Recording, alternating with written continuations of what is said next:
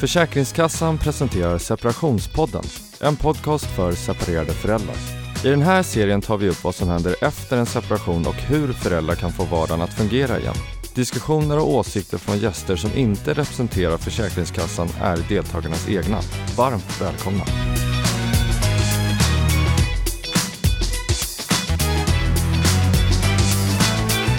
Mycket välkomna ska ni vara ännu en gång till Separationspodden och mitt namn är Sofia Wistam.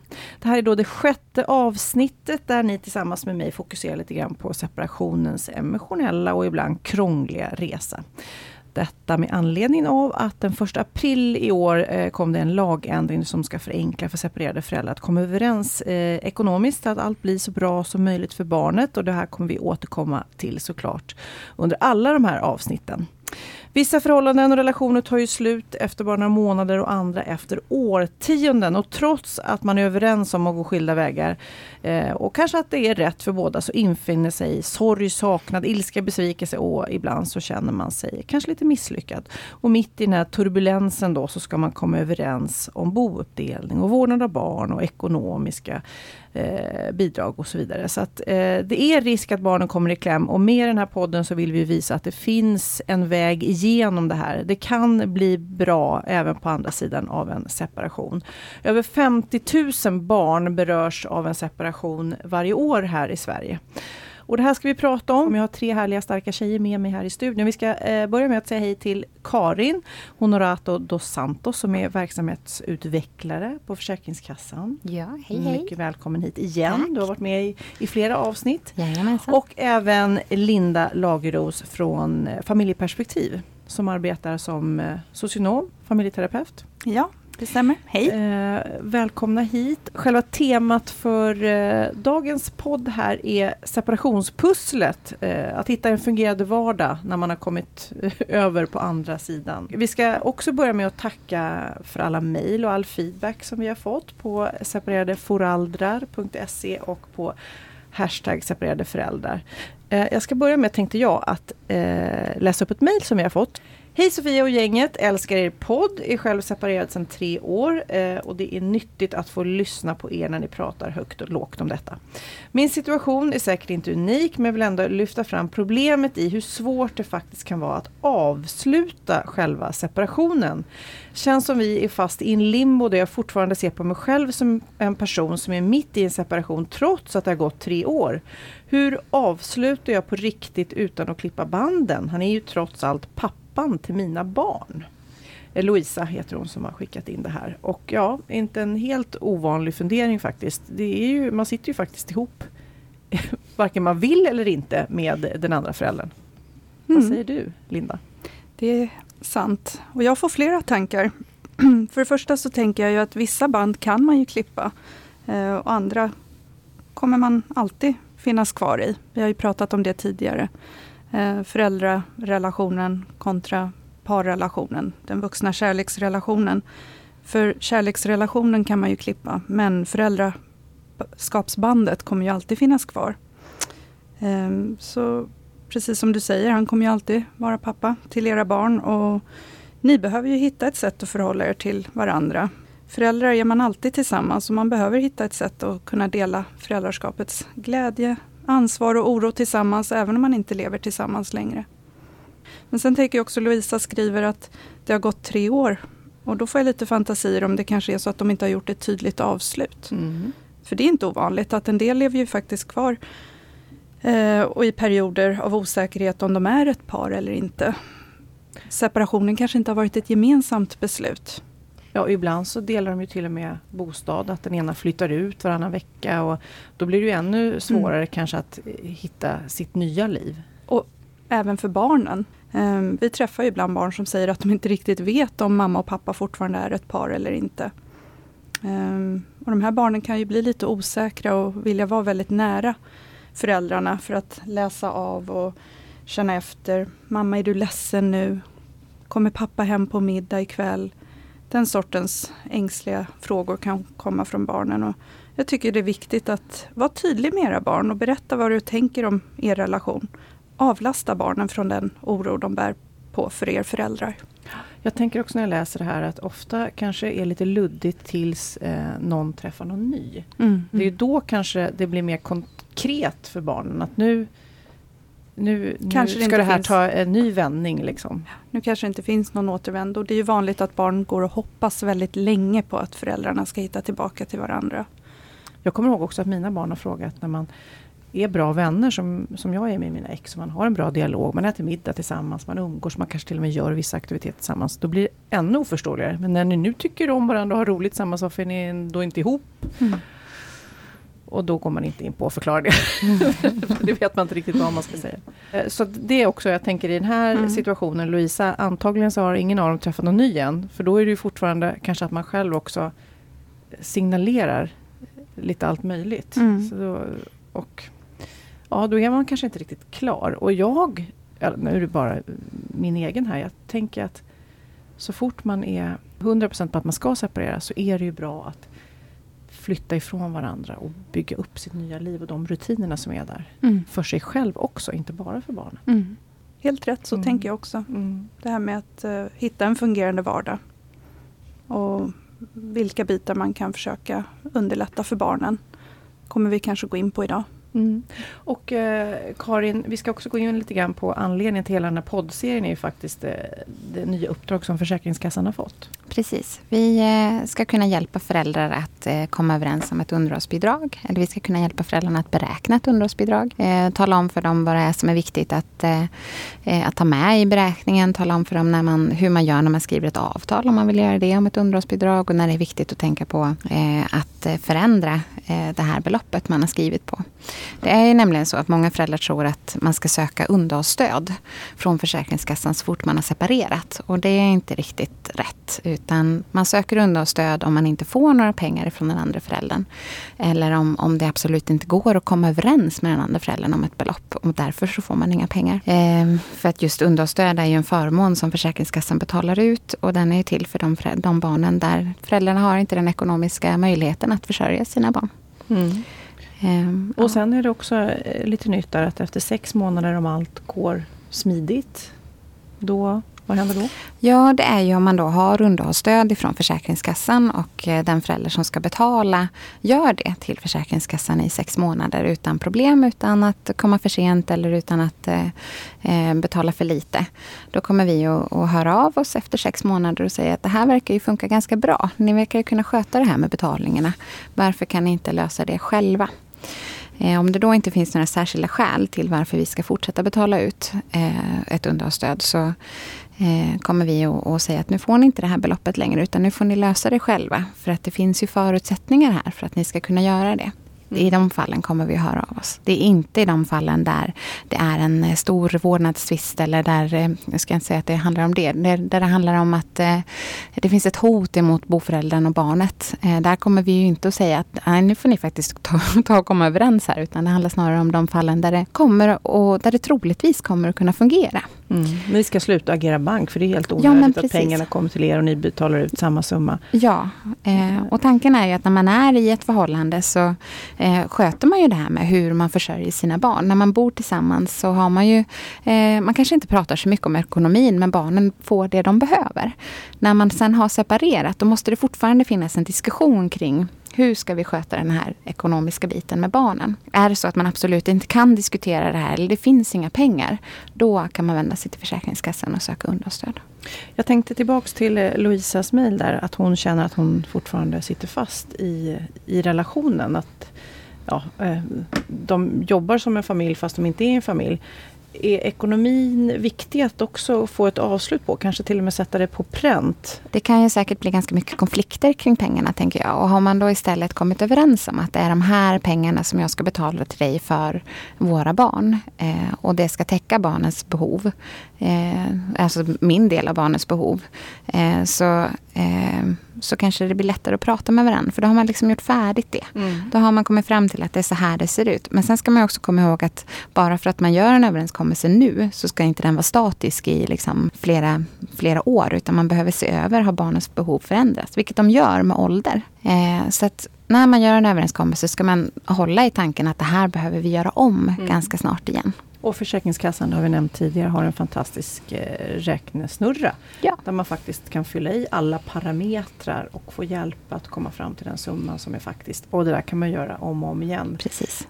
Linda, vad tror du då? Är det viktigt att man eh, kommer fram till hur ekonomin ska se ut för att man ska kunna gå vidare i separationen? Jag tänker att det är nog en, en av alla viktiga bitar man som föräldrar bör sätta sig ner och, och prata igenom.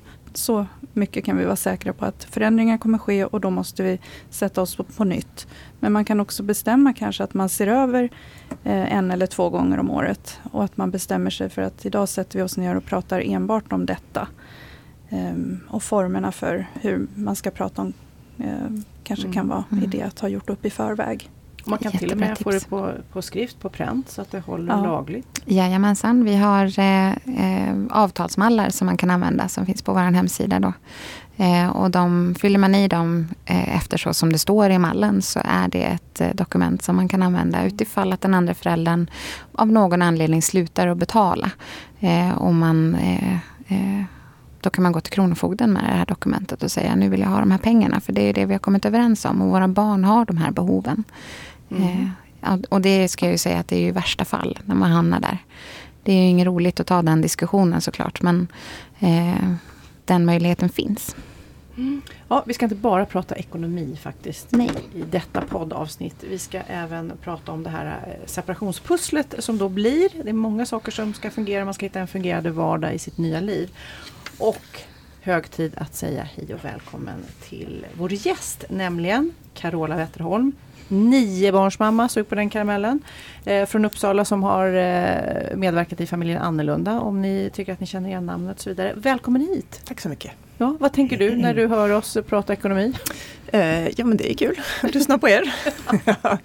Nej men jag tycker att det låter jättebra med Ja, men att Försäkringskassans, eh, ja men att det finns verktyg och att det finns eh, alla avtals eh, så.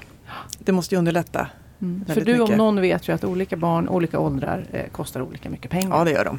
Men alltså nio barn på riktigt. Eh, jag har ju svårt att få ihop det med mina fyra och, Mm. eh, och jag har ju olika papper också, blir ännu krångligare då. Men ehm, eh, hur känner du, om vi börjar med så här, vad är det svåraste att hinna med? Hinner du med se alla barnen? Ja, ja, men jag tycker att jag gör det. Eh, och jag tror att barnen tycker det också. Mm. Eh, har inga klagomål där.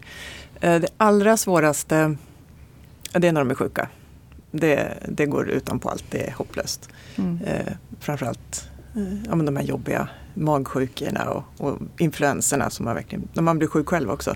Mm. Men annars så kan det vara alla de här mötena man ska gå på hela tiden. Det är ju föräldramöten och utvecklingssamtal och sen är det lite föräldramöten på deras aktiviteter. Och så där. De, de klumpar gärna ihop sig. Mm. Eh, det kan vara lite körigt. Det är mycket i, eh, i maj. Jag, jag tänker bara på skolavslutningar. ja. Du måste välja en, du måste Ja. springa som en galning. Nu har jag turen att de som går i grund eller mellanstadiet, Mm. låg och mellan, de går på samma skola. Och då är det, det kan vara tre olika avslutningar men det är på samma ställe så jag kan sitta kvar och så Jaha. varierar barnet. Så. Och de äldre barnen som, som, går på, som har gått upp sexan och uppåt, de vill ju inte att man ska komma längre. Så på så vis är det bra. Hade det varit olika skolor hade det ju varit Omöjligt. tvärkört. Ja. För nu ska vi då lägga till i hela det här att du faktiskt är ensamstående nu. mm. Eh, och eh, de nio barnen bor bara med dig. Ja, det gör de. Och, och då känns det ju ännu mer som att det finns väldigt mycket saker som kommer in i de här parametrarna som man ska hinna med. Och då räknar man ju verkligen upp det ekonomiska såklart men även det emotionella. Och, och stötta de som har det tufft i olika perioder. Mm. Mm. Ska Jo. du berätta, när, när separerar du? Eh, Det är tre år sedan nu. Det är början av 2013. Hur gammalt var minsta barnet då? Han var ett och ett halvt, Mm. så han var ganska liten. Och det kom som en chock? Ja, det kom som en chock. I princip så var det ju så att han bara reste sig och, och sa tack och hej. Han sa inte ens tack och hej, han reste sig och gick. Mm. Och sen kom han inte tillbaka. Och sen har jag egentligen inte fått några svar på någonting. Utan man får gissa sig till och, och så. Ja, han hade träffat någon ny. Och, Ja, han har eh, träffat en ny, eller hade träffat en ny redan då som han eh, hade träffat ett tag Mm. innan han gick i, hemifrån oss. Då. Eh, och, och henne lever han ju med idag. Och då, då, känns det så många, när du berättar det här så känns det ju så många, för jag också som har separerat med barn, är man ju så himla orolig för att de ska må dåligt. Man mm. parerar säkert dem mer än vad man tar hand om sig själv. Sådär. Mm. Hur, hur tänkte du? Hur, hur tog du igenom dig chock, chocken som var? Ja. ja men det blev ju en, en riktig chock. För jag, ja, men det var inte så att jag inte förstod att han mådde dåligt på något vis. Men jag trodde ju verkligen att han, att han mådde dåligt och inte att han, ville, att han ville skiljas. Utan att det mer var han själv. Så, så att han bara reste sig och gick och bara försvann. Det blev ju jätte, det blev en jättechock. Uh, och även för barnen så, för det, det här var ju på natten som han bara försvann och sen kom han inte. Och då så frågar ju barnen då, men ska inte pappa komma hem? Och så vet inte jag. Det var, det var jättesvårt mm. att uh, försöka säga någonting. Så första dagarna så, ja men, nej, men han kommer han är nog kvar på jobbet och han kommer nog lite senare. Och sen, men sen när jag insåg att han kommer ju inte så var det ju bara att säga det då, att jag vet faktiskt inte när han kommer. Utan Ja. Men din ilska och säkert dina tårar, var det något du försökte hålla inne eller var det någonting som du visade för barnen? Eh, jag försökte ju att inte visa det utan mm. bara ja, men, vara sådär som vanligt. Eh, och så gå in på toaletten och stänga dörren och så mm. bli jätteledsen. För eftersom eh, ja, men jag visste ju ingenting så kändes det ju som att ja, men det var som att verkligen trampa vatten och någon ryckte undan mattan. Att man, ja, men, vad händer nu? Eh, men jag försökte inte visa att jag var så ledsen för de, de blir ju alltid så rädda när, rädd när jag är ledsen. Mm. Det är ju det värsta som kan hända, att, att, att, det är någonting som gör mig ledsen. Men, eh, ja, men de, det är klart att de såg. Det är ju svårt att, att, att, att låtsas vara glad. Det klarar jag ju inte av utan det var ju att man ja. Vad väckte det hos dem? Ilska? Var, blev de arga? På honom? De blev mest oroliga i början så var det väldigt eh, eh, och de sov, eh, alla sov in hos mig. Mm. Alla tryckte ner sig, eller inte alla men det var alltid ett par tre ungar som skulle sova inne hos mig. Och inte, ja, de, på något vis som att de inte ville att jag skulle vara ensam. Utan för då trodde de att, att, att jag var mindre ledsen om de var där. Mm. Eh, så att, ganska mycket oro och sen eh, undrar de ju såklart. Det var mycket, mycket frågor. Vart är pappa, vart är pappa? Jag vet inte. När kommer han hem? Jag vet inte. Så att, ja, det var mycket, mycket sånt. Ja det måste vara, jag bara känner som mm. otrolig, eh, att, man, att, man, att man ska hinna med barnen med allt det där vanliga men också parera deras sorg måste ju mm. vara otroligt, det kanske de minsta inte uppfattar det på samma sätt. Nej, de minsta märkte väl inte så mycket. Han jobbade väldigt mycket så att de eh, de såg honom ju inte så mycket periodvis utan det var, han kom hem sent och åkte ganska tidigt. Så att de allra minsta de förstod ju inte så mycket. De som var lite större de förstod ju. Och nu, eh, för att någonstans så, ni skaffade ju nio barn tillsammans under mm. lång tid sådär. Mm. Eh, kände du någon, hade, såg du det här komma från något håll? Var det, Nej, jag gjorde inte det. För ni har ändå gemensamt kommit fram till att ni ska skaffa nio barn. Ja, ja, det, var, ja det var alldeles högst gemensamt eh, beslut. Det var ju inte så att, att de bara blev så. Det är ingen så här ojsan hoppsan utan det är verkligen så här välplanerade barn allihopa. Uh, jag, nej, jag trodde ju att jag kände honom utan och innan och jag gjorde ju det. Mm. Men folk kan ju ändra sig helt klart. Ja vi, vi, har ju dig här, vi hör ju inte hans version nu och han har säkert sin version på det här men ja. den, det vi pratar om nu är ju faktiskt din upplevelse och kanske dina och barnens upplevelse mm. av det här. Mm. Och när det här skedde, trodde du att du skulle överleva, att det här skulle gå? Nej, eller ja, att jag skulle överleva, det trodde jag. Men eh, jag visste ju inte hur det skulle gå. Men jag blev arg sådär. Alltså man, man gör inte så här. Och så blir jag mm. skitförbannad. Jag blir arg när jag hör det också. Ja. ja men jag blev jättearg, jag har varit jättearg. Och... Men jag blir mer arg när jag hör också, inte för alla människor kan ju separera. Alla ja. kanske kan bli kära i någon ny och att en separation blir det. Men just att, att hans eh, delaktighet i barnet, att hans delaktighet i barnens liv är så minimal nu. Det kan mm. jag bli provocerad över för man skaffar ju barn tillsammans. Det är ju ett ansvar man har. Ja, men det tycker jag också. Och det hade ju känts väldigt mycket bättre i allt om han hade varit ärlig och sagt jag har träffat någon annan. Eh, jag vill skilja mig och jag vill att vi gör så här. Eh, men han bara gick ju och så ja, allting svävar i luften och det gör det ju fortfarande på sätt och vis. Nu har vi ändå kommit fram till, eller det har ju bara blivit som det är nu, att, att de är hos mig och, och så. Mm. Men det hade varit... dig på heltid? Ja, de bor hos mig. Hur ofta träffar de sin pappa nu? Han träffar dem eh, varannan söndag eller varannan onsdag. Lite beroende på Mm. hur han jobbar. Eh, och då är det de fyra minsta. Som är de större får väl, de träffar honom inte så mycket. De vill inte och de, de har ju massa annat. Och, eh, ja, ju större man blir ju mer har man ju utanför hemmet. Mm. Bryr sig inte så mycket. Om du tittar tillbaks nu, eh, för nu har ju kommit en liten bit på väg ändå. På vilket sätt tror du barnen har blivit lidande av det här?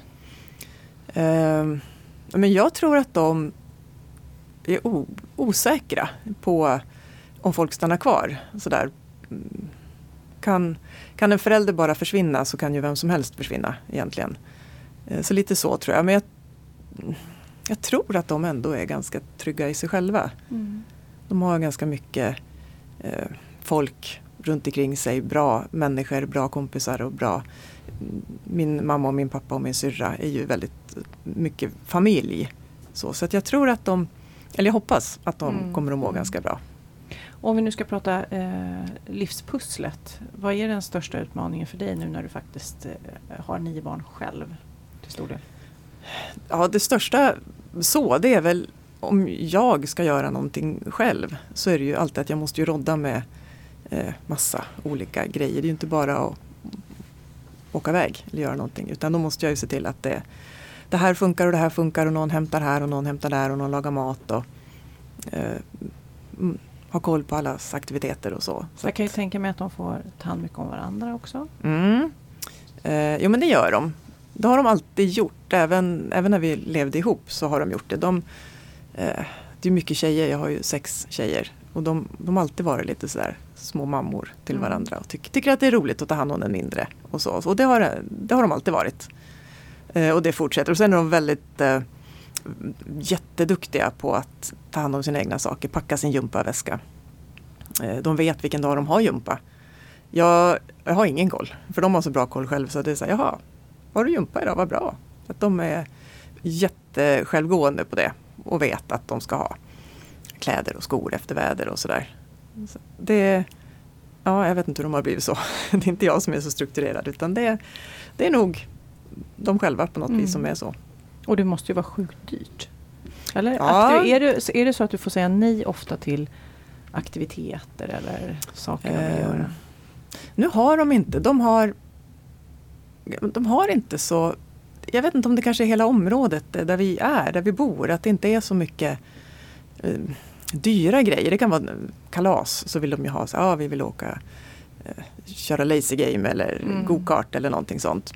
Men det är egentligen det enda som är sådär som känns väldigt dyrt Så det är ingen och hets onödigt. med datorer Nej. och telefoner och cyklar och sånt Inte där? så farligt ändå. De är ganska nöjda med, eh, ja de vill ju ha en telefon såklart och de vill ju Mm. gärna ha en ny telefon. Men de är, eh, jag har inte heller en ny telefon. Utan de, man, sådär, de gillar läget och tycker att ja, men så länge den funkar så är det okej. Men tror du inte de vibbar in också vad det faktiskt Jo, det finns för, för möjligheter att få den här nya telefonen om de inte ser att det finns en möjlighet så Ja. lägger de lite ner. Jo men det tror jag. Så länge, och så länge de har någonting som funkar. Är det, någon, det händer ju att de tappar bort den eller att den, att den går sönder eller någonting. Och då, då är det ju Mm. akutläge och då måste de ju ha. Det går inte att klara sig utan en mobil idag. mm. Men hur arg är du nu? Nu är det ja, tre år sedan. Nej, men jag, är, nej, jag tror inte att jag är så arg. Jag kan bli arg bitvis på saker, specifika saker kan jag bli. Så här, men åh. Men jag blir mest, jag är mest så här, trött, Mm. irriterad kan jag vara lite. Men trött. Så här, åh, kan det aldrig. På någon, något sätt så känner jag också att du har dragit vinstlotten för du har ju alla fina barn Ja. runt omkring dig. Och det känner ju jag också. Eh. Jag, jag vill ju verkligen vara med mina barn. Eh, Och jag, det är inte så att jag på något vis är ledsen över att jag får vara med dem varje dag. Eh, Det ska jag ju inte sen sticka under stol med någonstans. Utan jag tycker om att jag får ha dem heltid. Mm. Och eftersom det, han, har, han har ju valt det. Hade han velat ha dem varannan vecka så hade jag fått Ja då hade jag fått gilla läget helt enkelt. Men nu har ju han valt att inte ha det. Och då är jag, då är jag glad. Vissa grejer blir ju enklare. Ja. Tänker jag på så här regler, jag som har delad vårdnad har haft länge. Ibland så känns det som att varannan vecka då så får man börja om Mm. igen med alla de där, nej ni ska fylla diskmaskinen här när ni har ätit. Ja, det är mycket som, Ja. jag tänker det hade varit så mycket enklare att ha dem fulltid. Även fast Ja. Jo Men- men det tror jag faktiskt. Men finns det, det här är bara ren nyfikenhet, ser du, hinner du se när någon har ett speciellt behov? Förstår du? Mår Mm. dåligt? Eh, de är ganska lätta att läsa allihopa. Eh, så att jag tror det. De, alla är olika, men en del blir väldigt tysta och drar sig tillbaka och, och lite sådär och då vet man att ja, men nu är det någonting. Annan blir ju jättearg, gapar och vrålar och skriker och irriterad och sur. Och, så att de är ganska lätta att läsa av. Så jag, ja, jag tror det. Är det någon av dem som har verkligen visat eh, att den här separationen har tagit hårt på dem? Eh, jo, men det är det. Det är hon som är i mitten. Hon är 12 idag. Hon eh, hör ju inte riktigt till, till någon. Eh, hon har äldre syskon, hon har yngre syskon och hon har hamnat i mitten där lite. Och hon vet inte riktigt. Hon vill inte hänga med när de andra träffar pappa för hon eh, hon känner inte att hon, de åker ofta på lekland eller någonting. Och då känner hon att hon är lite, lite stor. Och så kan hon inte, och de andra träffar inte honom så mycket. Om det inte är Eh, då kan han ta med dem på ishockey eller någonting och det vill hon inte heller göra. Så hon har nog hamnat i mitten. Och kan känna att det, att det är jobbigt att prata om det. Mm. Hon vill inte riktigt eh, eh, Hon har börjat ny skola nu, i- hon går i sexan. Eh, och då, I den gamla skolan så visste ju lärarna. För de pratar jag ju med. Men i den här skolan så, mm, ja, hon ville inte riktigt att jag skulle säga någonting när hon började och då, då gjorde jag inte det. Och nu häromdagen så sa hon att jo, men det kanske vore skönt att, de, att lärarna ändå visste. Att, Mm. ja, hon är nog den som... Så hon bär någonting fortfarande? Mm, det tror jag. Det här. Inte att hon mår jättedåligt varje dag och så men att hon, hon tycker att hon har ju kompisar eh, som har skilda föräldrar som det funkar så här klockrent. Eh, väldigt bra. Och med, med allt det här slitningarna som är såklart. Men att det funkar. De, barnet bor varannan, varannan vecka och så. Eh, och hon, så, hon säger ju verkligen att det är en, en gigantisk skillnad. Mm. Jag tänker du också, eftersom den här eh, podden riktar sig till de som kanske står inför en separation och tänker det här kommer aldrig gå. Då har man inte så många barn som du, men ett, två, tre och man tänker hur ska jag kunna svara på deras frågor? Hur ska, hur ska det här kunna bli bra i andra änden? Sådär. Du som har gått igenom det här och med så många barn, hur- går det? Hur tar man sig igenom det? Gör och, man. Eh, och hur lång tid tar det innan det känns okej? Ehm, och hur lång tid det tar innan det känns okej är nog jätteindividuellt. Och om man är den som väljer att gå eller, eller om man är den som blir övergiven så. Ehm, men allting går. Man klarar det man måste göra Mm. helt enkelt. Känner du att du är på andra sidan nu? Ja men det, det tycker jag. I början så saknar jag ju honom. Um, saknar ju att han kom hem, jag saknar uh, att berätta saker för honom och, och att man, ja men det här att man I två om det här? Ja. om det är någon, som, någon av ungarna som, man, som har sagt något roligt så vill man ju berätta det för honom. Och, och var det någon man behövde prata om så, så saknar jag honom så. Men det känner jag att jag gör inte det idag. Utan eh, nej, Hur kommunicerar ni nu? vi kommunicerar inte. Utan vi, eh, vi pratar så lite som möjligt. Utan är det någonting som måste sägas då är det eh, via sms. Mm. Tokigt? Mycket eller? tokigt. Ja, ja, jag, hade ju önskat att ha en, en bättre relation. Eh, men det är ju lite svårt när, Ja. när inte han vill det. Vi ska ta in Linda lite i det här. Jag blir så, jag blir så insugen i den här historien för det känns så nästan overkligt att man Mm. går eh, från att vara en eh, 100% delaktig eh, pappa till att gå ut genom dörren och Mm. nu kommunicera med sms och se dem en, några timmar i veckan. Och det låter ju Carola som att du är lite uppgiven och tänker att Ja. det kommer nog inte vara möjligt. Samtidigt som du också säger att du hoppas att det ska kunna bli en förändring. Och där ehm, tänker jag att ehm, man kanske inte ska ge upp utan försöka se om det är möjligt. För även om det har varit svårt och rent ut sagt omöjligt fram tills nu så är det ingenting som säger att det inte kan fungera framöver. Det har vi sett många gånger. Så att eh, man kanske kan hjälpa barnen och jag tänker på din 12-åring. Det låter som att hon ehm, funderar mycket kring det här. Hon har vänner Mm. som ser hur andra barn i hennes ålder har det med skilda föräldrar och hon kanske också önskar att hon kunde ha en kontakt med sin pappa ibland kanske det är möjligt att börja med ett eller några av barnen att få till ett umgänge eh, med pappa i det här fallet och så småningom kanske också se hur det är möjligt att lösa för de andra barnen. Att man får ta det lite stegvis. Mm. Mm, Men jag tycker inte att man ska ge upp. Barnen är Nej, det, nej, väldigt jag små inte. och man vet att Mm. barn mår gott av att faktiskt ha en relation till båda föräldrar. Mm. Nej, Men det, det, är inte, det är inte ge upp Nej. så. Och eh, det är inte att jag går runt och, och hoppas, hoppas, hoppas heller. Utan det, det, eh, det är ju han som har valt det här. Ja. Helt Och det är jätteolyckligt. Ja, det är inte... Man blir väldigt ledsen när man Ja. hör det men då tänker jag att ibland kanske man också kan se om det är möjligt Ehm, Det kanske har varit jättesvårt för er att kommunicera, att, för dig att nå fram. Men man kanske kan hjälpa barnen att skicka ett vykort till pappa där de har skrivit en hälsning. Du, du ler, jag tänker du har säkert testat allt det här. Ja, Men att Ja. med små medel försöka ändå se om det är möjligt att nå bygger pappa. sin relation. Att de får hitta en egen relation till pappa. För det är klart att eh, du ska inte känna att ni måste bli bästa vänner Nej. igen. Så behöver det inte vara. Men att i den, ja, är det möjligt att få en relation mellan barnen och pappa så är det guld värt. Mm.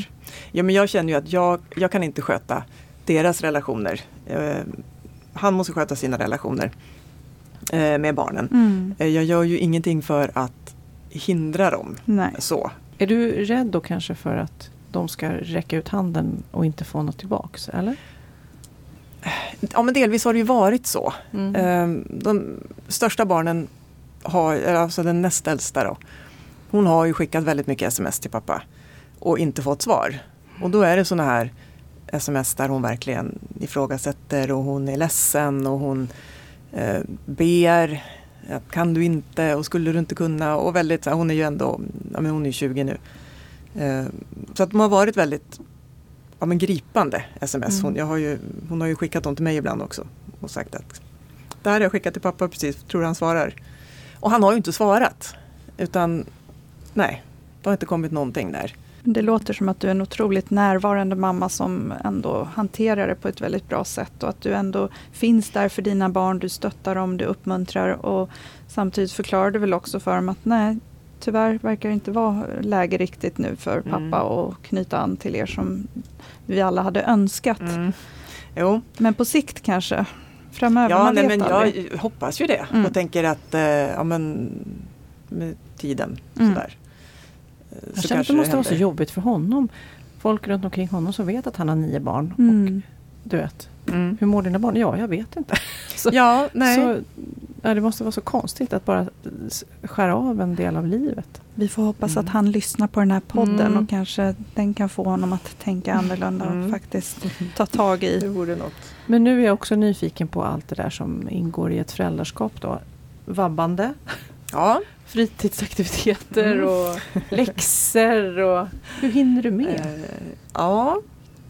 Eh, läxor så brukar vi eh, försöka när de kommer hem efter skolan käka middag, eller inte middag, mellanmål. Eh, och, så, och så sitter de kvar vid bordet sen, hämtar sina läxor och så sitter de där. De som är lite mindre, de stora de stänger in sig någonstans och så säger de att de har gjort läxorna. Mhm. Eh, oftast Mhm. så har de väl, en del av dem har gjort dem men en del gör de kanske inte så bra. Eh, kommer då att bli förhörda ibland, de större. Eh, och så frågar man ju, har du gjort? Ja. Men känner du dig tillräcklig? För jag känner att jag knappt hinner med mina barns läxor. Men känner att du hinner med? Men du är ju hemma. Ja, ja, ja precis. Jag har ju all, alltid varit hemmamamma egentligen. Mm. Eh, och nu sista åren så har jag ju, då pluggar jag på, på distans. Så jag är fortfarande Mm. hemma nästan jämt. Även om jag pluggar så, så behöver inte göra det hela tiden. Men du, och jag tänker ju också eh, ett steg längre. Det här med egen tid och Mm, ens tänka tanken och gå ut och träffa någon ny och sånt där. mm.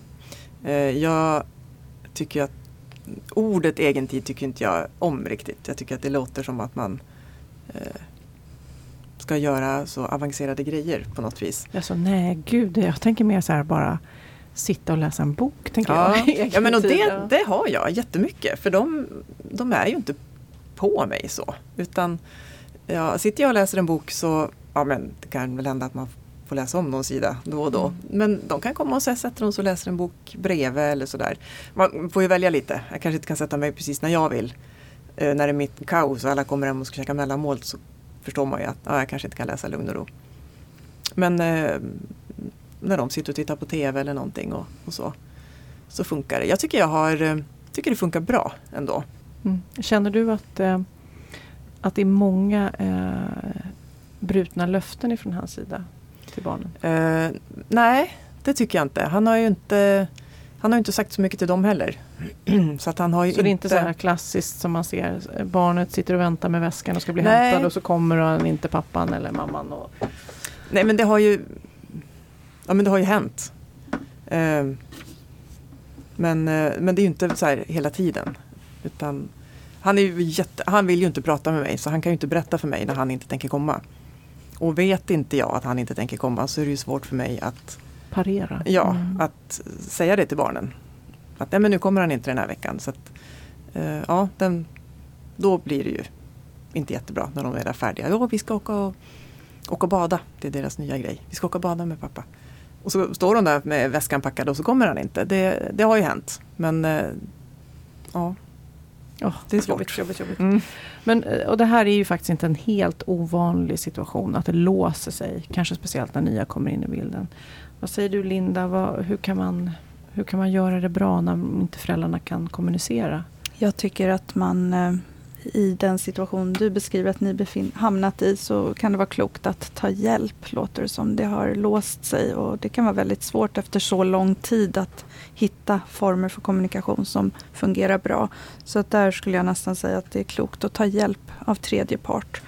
Ehm, jag tror vi har pratat om det i tidigare poddar också att eh, även om saker har varit känsliga att ta upp på tu man hand så kan det visa sig vara betydligt enklare när man har en tredje part med sig.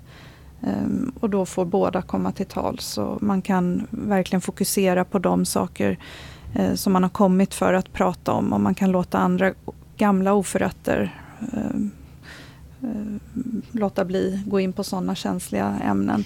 Mm. För jag misstänker att det såklart finns en hel del som du och barnens pappa skulle behöva prata igenom. Eh, Så att det hade man önskat er och det Mm. finns ju Vi har ju Vi gjorde ju det. I början Mm. så gick vi ju till någon familjeterapeut. Men han vill, han vill inte prata. Utan han reste sig och gick därifrån också. mm, Eh, Och så han vill inte. Utan vi har ju harvat igenom en vårdnadstvist och Mm. grejer och även domstolen har ju sagt att du bör gå och prata. mm, Eh, Men han, han vill inte. Nej. Och då, Och då det går är det att svårt att, nej, men det är svårt att tvinga någon. det är klart att man inte kan tvinga. Eh, Men när du sen också ser tillbaka på vad du har gjort eh, för dina barn så kommer du i alla fall känna, men vad skönt, jag gjorde i alla fall vad, jag, Mm. vad jag kunde. Ja. Eh, Ibland kanske man får konstatera att det inte var möjligt och det är ju en jättestor sorg såklart. Men ja, ibland är det så. Ja, ja jo, men jag, jag tror att jag stänger ju inte Nej. dörrarna. För att han en vacker dag vill, eh, inte vet jag, prata om allt möjligt eller prata om delar eller Mm. någonting. Men eh, det är ju inte så att jag går och hoppas på det varje dag heller. Nej.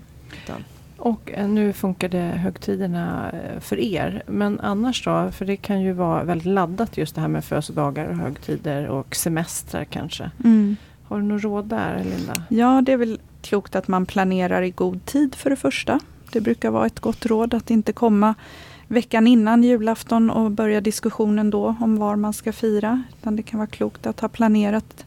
Och just när det gäller högtider så kan man många gånger planera på flera års eh, sikt. Eh, det är väl många som väljer att ta varannan julprincipen, varannan eh, påsk, varannat eh, sportlov och så vidare.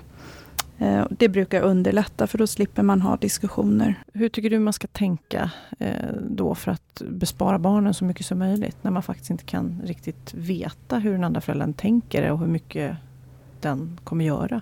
Barn lär sig ju med tiden också.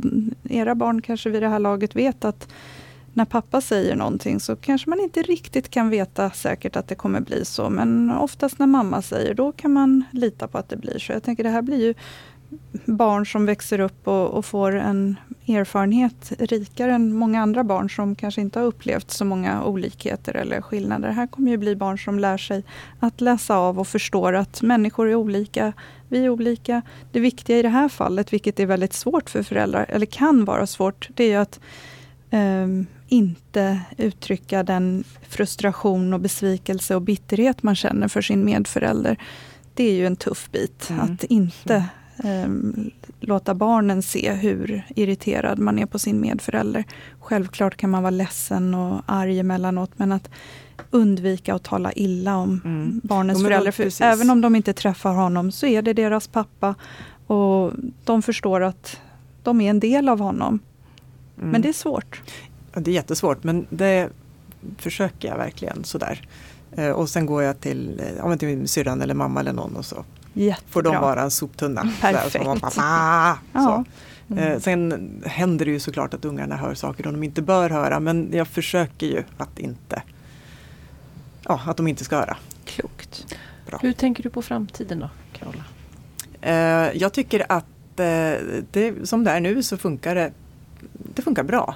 Jag, det är inga jättestora konflikter och, och vi har hamnat i någon slags eh, eh, Ja, så att det funkar. Kanske inte är som det borde funka. Men han har sitt umgänge och, och sen är de hos mig resten av tiden. Och det, det tycker jag det känns bra. Eh, så att det behöver inte bli någon jättestor förändring. Utan jag, jag, jag gillar, gillar, gillar den som den är. Mm. Eh, såklart. Ja, som sagt var, du är ju rik. Ja, men jag gillar ju att umgås kärlek. med dem. Ja. Ja. eh, vi ska också prata lite grann med, eh, med dig Karin, Försäkringskassan, vad de gör för att underlätta då för föräldrar som har det här separationspusslet. Mm. Vi eh, kan ju hjälpa föräldrarna att beräkna ett underhållsbidrag, vilket är det som man ska fundera på när man är, iväg, när man är på väg att separera.